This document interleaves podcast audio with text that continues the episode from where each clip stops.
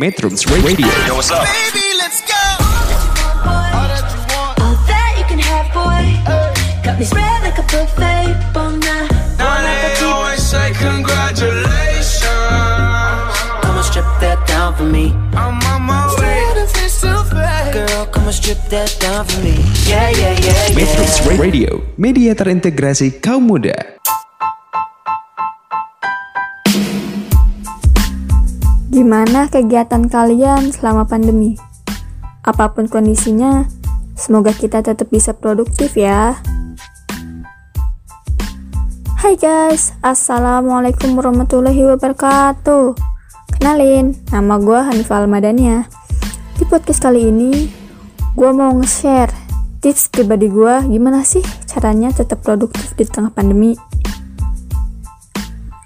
Di tengah kondisi kayak gini, godaan buat males-malesan itu banyak banget Apalagi ada statement yang mengatakan kalau rebahan itu bisa menyelamatkan kita dari pandemi tapi jangan terlalu banyak rebahan ya, karena itu membuat kita jadi gak produktif. Yuk bangun yuk, kamu rebahan. Jangan tidur mulu. Jujur, awalnya gue juga rebahan mulu dan males-malesan.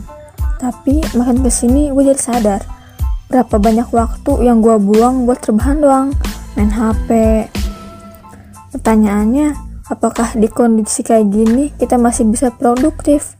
Yes, tentu bisa dong. Mungkin buat sebagian orang produktif ya di luar, harus keluar rumah. Tapi gak melulu harus keluar rumah ya. Kita bisa kok produktif di rumah. Oke, langsung aja nih kita ke tips yang pertama. Apa motivasi kita? Harus relevan ya. Misalnya, kita pengen punya badan yang bagus biar kelihatan keren kalau di foto. Nah, berarti kita harus atur pola makan, sering olahraga, atau rajin-rajin deh buat puasa. Pokoknya yang bisa kita lakuin di rumah. Yang kedua, kenali hambatan kita. Gue tuh susah banget buat jauh dari HP.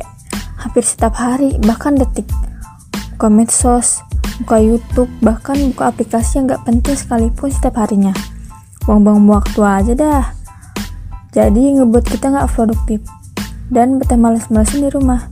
Jadi, usahain kurang-kurangin buat gak pegang HP kasih waktu 1 sampai 3 jam buat kita ngelakuin aktivitas lain selain buka medsos. Yang ketiga buat jadwal kegiatan. Duh ribet banget sih. Masa bikin jadwal? Bikin jadwal ini tujuannya apa sih?